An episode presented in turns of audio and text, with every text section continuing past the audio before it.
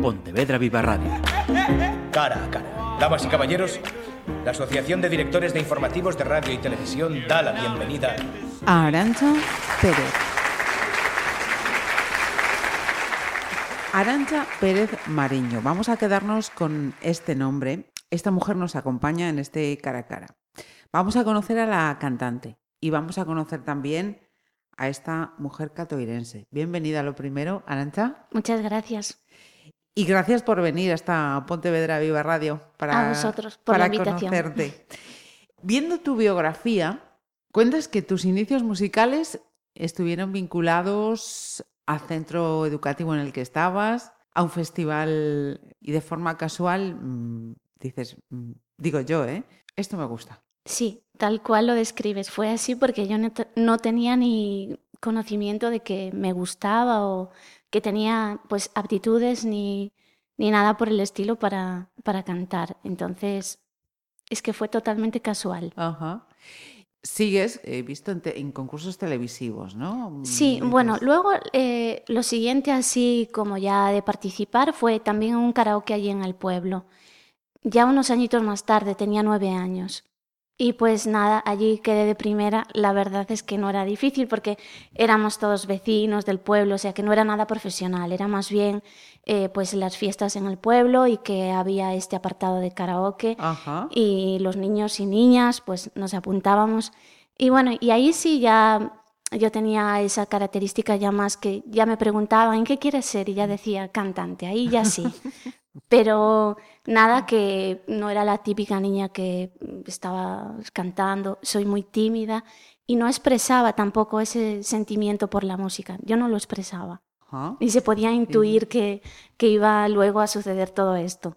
Teniendo um, esa característica que dices, esa, esa timidez, lo de los concursos de televisión no te costaba, para ti Muchísimo. era... Um, pero a pesar de todo está por encima. Sí, sí, es que era, es una lucha, todavía ahora es como una lucha eh, in, interior, ¿no? Porque a mí me gusta muchísimo la música, pero el enfrentarme al hecho, ponerme en público, en ese contexto pues ya lo llevo bien, porque bueno, eh, tengo que cantar y eso, pero luego sí, sí me cuesta bastante. Ella sigue haciendo su caminito y entras en formaciones de música folk, en orquestas. Sí, bueno, ya luego tenía 15 años y un familiar de mi padre, primo, él, él, sí que había estado en orquestas ya hace años y entonces una vez retirado de las orquestas tenía un, dúo, el típico dúo que hace eventos de bodas, eh, bautizos, comuniones, todo tipo de ese evento. Entonces, eh, en ese verano que estaban eh, girando, por decirlo de alguna manera, una, la cantante que tenían, pues por circunstancias tuvo que dejarlo y a la desesperada, pues llamaron a mis padres Arancha. y le dijeron, mira que Arancha no podrá venir. Yo tenía 15 años, es muy poco. Y, y ahí empecé con 15 años con, con, el primo de mi padre haciendo ese tipo de eventos y estuve como dos años o tres. Y mm, explícame esto de mm, técnico superior en automatismos, que me ha dejado a mí... mm, Bueno, eh, mi padre había fallecido y a raíz de esto yo eh, dejé los estudios. Eh, estaba haciendo un ciclo en Coruña que era de imagen y sonido, uh -huh. por asemejarlo un poco a, a, lo que es el mundo de, del arte, de la televisión y eso, porque no me gustaba en realidad así nada, no encontraba mi orientación y entonces ya lo dejé y estuve dos años creo que alejada ¿no? de, uh -huh. de, lo que es mis estudios y luego a raíz de un amigo de mi padre me decía Arancha tienes que retomar los estudios mira que yo tengo conocidos tengo un profesor en el instituto aquí en Villa García era y que te puede orientar y después ya te quedas trabajando de verdad que te, te ayudamos entonces era ese el ciclo fue hice el ciclo y bueno, de hecho podría haberme quedado trabajando en una empresa, pero ya después sí yo estaba en, en, grupos musicales y estaba en el grupo Limón y dije, no, voy a cantar porque ya para sufrir... ya, ya viene de fuera, que no hay necesidad. Ya luego, si pues por alguna razón esto no me va bien o lo que sea, pues ya lo veré, pero en uh -huh. este momento no... El cuerpo te pedía otra me cosa. Me pedía otra cosa. Um, nos ponemos a la década ya de 2010 cuando además Arancha dice, mmm, no me vale con cantar, también voy a componer. Sí, otra cosa casual, pero perdida también, porque yo ni siquiera eh, intuía, pero ni de lejos, que podría componer. Entonces, eh, bueno, eh, compré una guitarra y empecé a, intentar ahí, era todo un intento. Y nada, poco a poco, pues de manera autodidacta empecé a, tocar más o menos y un día descubrí que podía dije, bueno, voy a ver cómo es esto de componer. Y empecé a componer, pero de, de, la noche para la mañana. Fue así. La primera, la segunda, la tercera. Y así surgió todo. O sea que mm, había mucho dentro de Arancha que, que sacar, ¿no? Quizás. Sí, entiendo que sí. Después ya toda mi vida giró en torno a esto. Ya no pude parar. Bien, eso es bueno, eso es bueno, ¿no? Encontrar ese, ese camino. Decíamos, empiezas a componer, y te ayudas de esa ventana que son las redes sociales para subir tus composiciones, ves que tienen una aceptación y te salen, he visto ya tus primeros conciertos en solitario. Sí, una locura, porque es que yo la verdad no tenía eh, ningún control sobre el instrumento que era la guitarra. Eh, el primer concierto fue a, través de un concurso en Villa García y bueno, eh, yo me apoyé un poco en mi primo, que fue también que me daba así algunas clases más en la parte de lo teórico, ¿no? En la parte musical y le dije, tienes que venir conmigo, que yo no estoy preparada para, para enfrentar e-, esta situación, ¿no? Y él me decía, sí que puedes. Y yo pues eh, allá fui y bueno, salir salió y después pues nada, vino vinieron más eh, eventos de ya en algunos bares y demás. Y nada mal empezando tampoco. a curtirse. Sí. Como se suele decir, empezando a, curtirse ella solita con su guitarra. Avanzamos en esta, en esta década, 2017 creo, mm, sí que es un, un punto de inflexión, ¿no? En esa trayectoria, en el querer buscarte tu hueco en la música. Te plantas ya con un primer disco eh, titulado Hay tanto por andar. Y hay dos nombres que me llaman la atención. ¿Cómo llegas a, Joel Beltrán y a Jordi Cristau? Creo que los he pronunciado bien. Sí.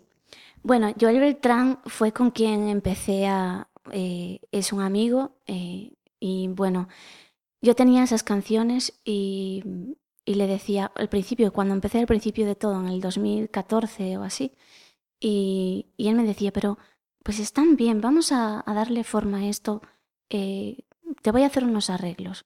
Y con él hicimos cuatro arreglos. De hecho, después, em, con eso que dijimos es una maqueta, no estaba definido el estilo, uno era así una baladita, otro era una bachata, eh, otro era más em, eh, así tipo más folk, eh, fui al bamboleo, al programa este de la TVG, y estuve allí en el bamboleo con una bachatita que hice con él. Y, y después ya todo empezó a magnificarse, yo veía que la cosa, y decía, pues tengo que hacer más canciones. Y yo tenía que dar como ese paso y enfrentar y decir, tengo que buscar un productor, como sea.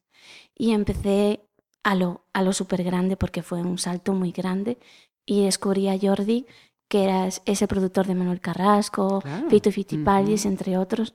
Y dije, bueno, pues le voy a llamar como se llama, yo que sea, un amigo. Y yo fui para adelante.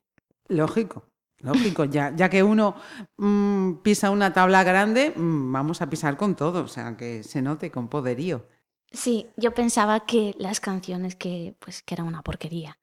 Entonces, claro, es que uno a sí mismo no es fácil decir esto está bien o está... No, tienes muchas dudas. Y aún ahora como compositora dices, bueno, esto no sé hasta qué punto es bueno, hasta qué punto. Y sí te da mucha confianza cuando alguien como Jordi, Cristao en este caso, confía en ti. Sí, eso ayuda muchísimo a reforzar eh, tu trabajo y bueno, la confianza en ti mismo. Hombre, sobre todo teniendo en cuenta que mm, compositivamente, hasta donde he visto y escuchado, Tú coges el cuchillo, te abres en canal y dices, mm, aquí estoy, ¿no? Bueno, gracias. Pasamos a 2018. Y también mm, tengo aquí anotado que llega otro nombre importante para tu carrera, ¿no? Importantísimo. Cuéntame. Voz Venoso. Voz Venoso era como un sueño, lo, ya lo inalcanzable, ya decir, si ya me parecía atrevimiento llamar a Jordi, yo lo de Venoso decía, esto es un sueño y esto va a ser inalcanzable. Pero de la misma manera, yo me las busqué y no sabía ni siquiera si hablaba español, entendía que sí porque había trabajado con artistas españoles y de Latinoamérica y dije, bueno, tiene que hablar. Y allí me vi hablando con él, hablando del disco que había hecho con Jordi, que le parecía muy bonito y que, bueno, me quedaron grabadas sus palabras de tienes que arriesgar ese poquito más en la composición, en el sonido, y si no arriesgas tampoco sabes lo que va a pasar. Y bueno, era muy ostentoso porque pues eh, yo no vivo del, no vivía tampoco en ese momento ni ahora. Mi música no, no generaba lo suficiente para, para de por sí sola Vivir de, vivir de ella y, y trabajar en ella a lo que es la inversión.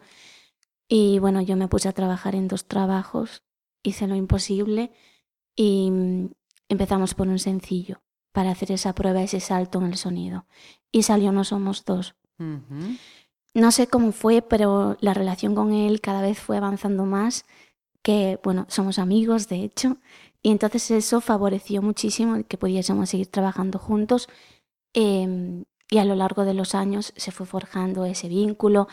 Él estuvo siempre muy pendiente de todo el trabajo que iba haciendo, porque yo grabé un segundo disco con Jordi otra vez y, y él estaba ahí. Y en ese disco sí ya van otras dos canciones que, que hicimos, o sea, van tres de Bob Benozo Ajá. y siete con Jordi. Bien. Fue como una producción ya conjunta. Conjunta. Bueno, antes de mencionar otro, otro nombre, has, dicho que mm, él te recomendó hay que arriesgar en esa composición, en ese estilo. Y mm, aquí es donde dices, me veo musicalmente en el pop latino. Sí, él eh, se refería más bien al sonido. Eh, estábamos haciendo un pop más clásico, más ya más español, más arraigado a lo que es nuestro país. Y lo que estaba sonando ya eran ritmos más latinos, aunque bueno, yo sigo haciendo pop, pero lleva esa sonoridad más de lo que ya estaba funcionando, que luego ahora con el paso del tiempo y tú ya eh, vas estableciendo lo que sí, lo que quieres o lo que no, y eh, de algún modo estás arriesgando con tu dinero, con tu esfuerzo, con tu trabajo. Y yo dejé un poco de lado esa idea de que hay que hacer lo que hace todo el mundo, de que si está sonando este tipo de sonido que yo también ten- tengo que hacerlo. Yo sigo componiendo de esa manera súper mega romántica y bueno, todos me dicen que demasiado triste.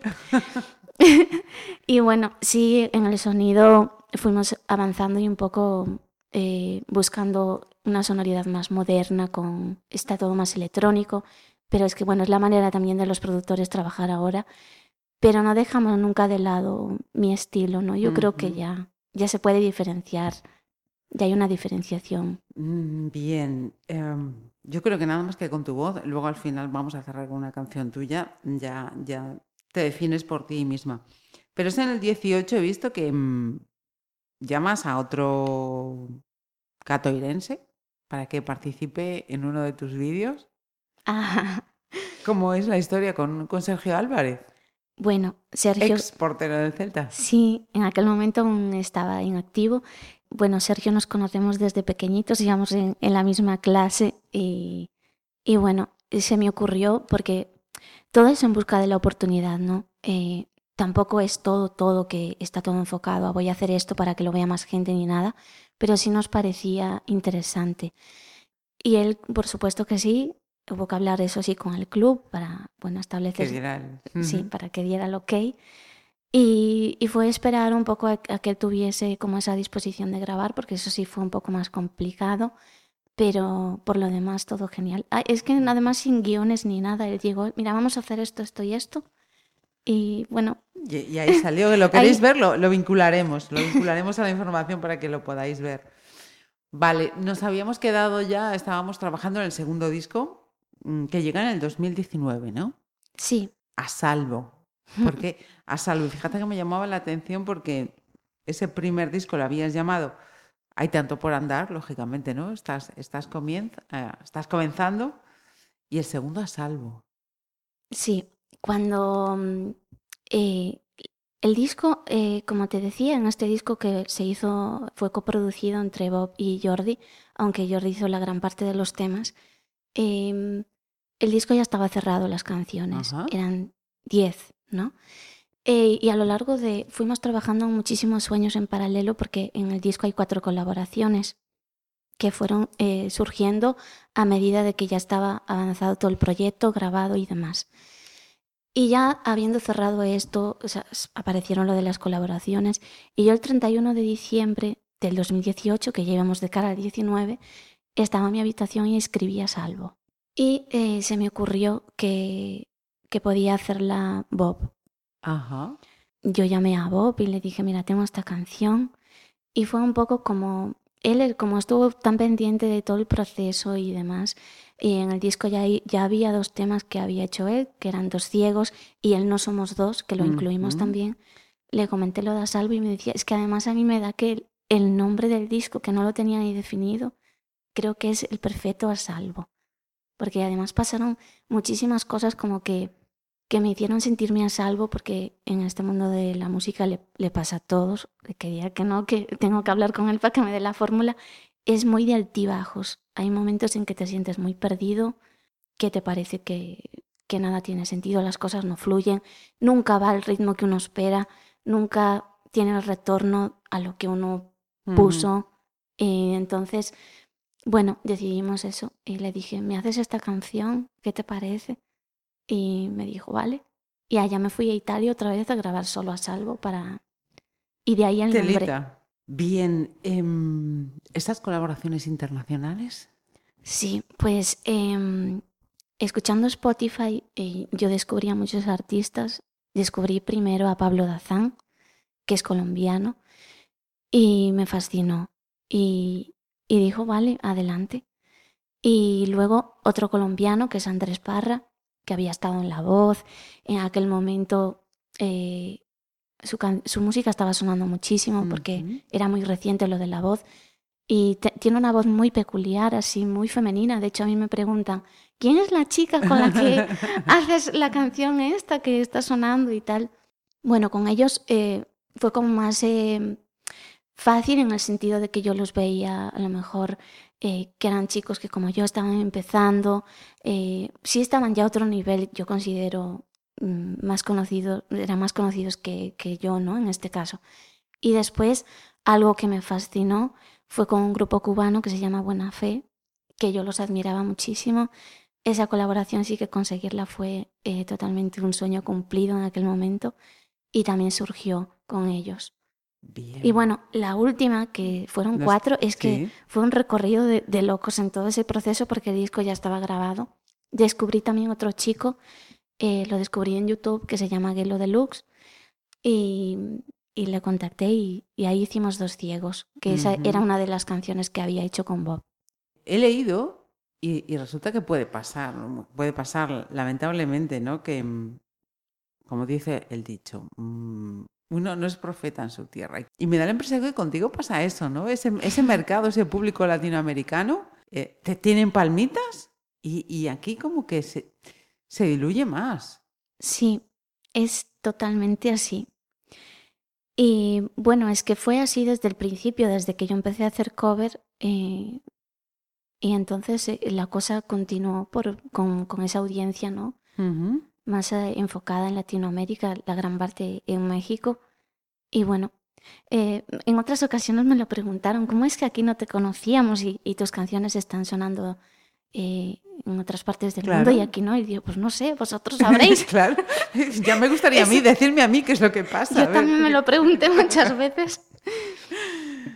Y hablabas, fíjate, de esos momentos de altibajos, momentos extraños, em, que te voy a contar del 2020, que no, que no sepas tú, tú también, y de 2021, pero pese a ello, tú sigues ahí trabajo de hormiguita para para tener listos ya este 22 mm, varios sencillos. Sí, bueno, de hecho ya tengo el tercer disco que se llama Del cielo a Marte. Y bueno, presentamos eh, dos sencillos, hasta ahora, ya, sí. Empezamos el 29 de septiembre con una canción que, bueno, es dedicada a mi padre. No esperaba para nada esto porque a pesar de que pasó el tiempo, eh, transitar por esos momentos y esas emociones que me vinculan a mi padre me parece... De hecho, yo tenía pesadillas. ¿Estaría haciendo bien? ¿Será, ¿Será que mi padre no quiere que esto salga a la luz? Además, yo sabía que iba a tener muchísimo impacto porque em, a mí me hizo llorar muchísimo esta canción. y, de hecho, y, de hecho, todo el mundo me dice, pero ¿por qué haces estas cosas? Esta canción es súper triste. Bueno, y, y, sí me da como esa pena de a ver si al final mi padre merecía esta pena conjunta de, de, que todos estamos aquí y sí, sí me toca muy, muy fuerte el corazón en este sentido. Y luego ahora reciente estrenamos Del cielo a Marte como segundo sencillo. Y bueno, se va a prolongar el estreno hasta septiembre, que ya se podrá escuchar el álbum, septiembre de 2023. Poquito a poco y soltando esas. Poco a poco, porque. Musicalmente decías antes, para aquellos que no nos podemos o no podemos vivir plenamente de la música, porque Arancha, ¿con qué compagina esta vocación, pasión? Yo ya no lo compagino, yo no sé qué vida tengo porque yo trabajo muchísimo. Em, de hecho, este último año estuve trabajando los siete días a la semana porque, bueno, trabajo eh, como técnico en telecomunicaciones y luego eh, estuve en un restaurante también, allí en mi pueblo, en Catoira, eh, que les invito a todos a ir por allí. Es un restaurante muy, muy guay, la Taberna Vikinga. estuve pasando uno de los peores momentos de, de mi vida.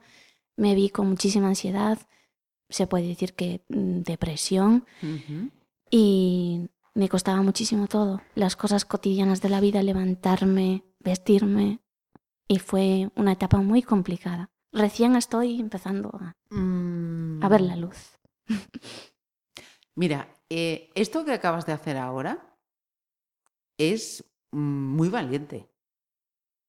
Me alegra esa actitud que mostráis cuando delante de un micro, delante de una cámara, os, os abrís y decís, mm, mira, em, mi salud mental mm, ha tenido un problema, he caído en una depresión, he caído en un trastorno de alimentación, he caído en un tal, pero aquí estoy y o estoy saliendo o estoy poniendo las herramientas para salir. Eh, sois de una ayuda tremenda para normalizar este tipo de trastornos, es decir, nos pasa a cualquiera. Así que, Arancha, yo te digo que mm, enhorabuena, chapó y adelante, que todo lo que tiene que venir tiene que ser bueno. ¿Vale? Gracias, de verdad. Y, otra cosa más, mm, te estamos oyendo y, y tienes una voz súper particular. Y ahora cuando cerremos con una canción lo vamos a ver parece que estamos escuchando a una niña. O sea, tienes una, voz muy particular y eso tiene que ser tu, arma en este, en este mundillo. Sí, bueno, creo que es mi arma porque tampoco es que soy una intérprete de cantar, bueno, pero sí me, distingue eh, la, voz peculiar. Claro, sí, sí, sí, sí. Y fíjate, cuando ha venido, os voy a contar un secretillo, que yo estaba viendo fotos de cómo ha ido evolucionando Arancha y, esa voz dulce que tiene... Em, le acompañaba con su, con su look. Tú has tenido el pelo rubio, muy largo, luego te lo has cortado y hoy nos vienes mm, más guerrera, un look más guerrero. ¿Eso es actitud también, Arancha? Decir, ¿qué pasa? Aquí estoy. Eh, no exactamente porque, pero mm, bueno, a veces sí, sí ahora cuando me lo corté así, que hicimos los rapaditos este, si me buscáis en las redes ya alguna fotito hay, eh, pero no fue intencionado para nada. Todo para adelante, Arancha. Gracias. Vamos para atrás solamente para coger impulso. Gracias, decirte que es un placer estar contigo y eres muy inspiradora y da gusto, de verdad. Muchísima suerte, Arancha. Pero sin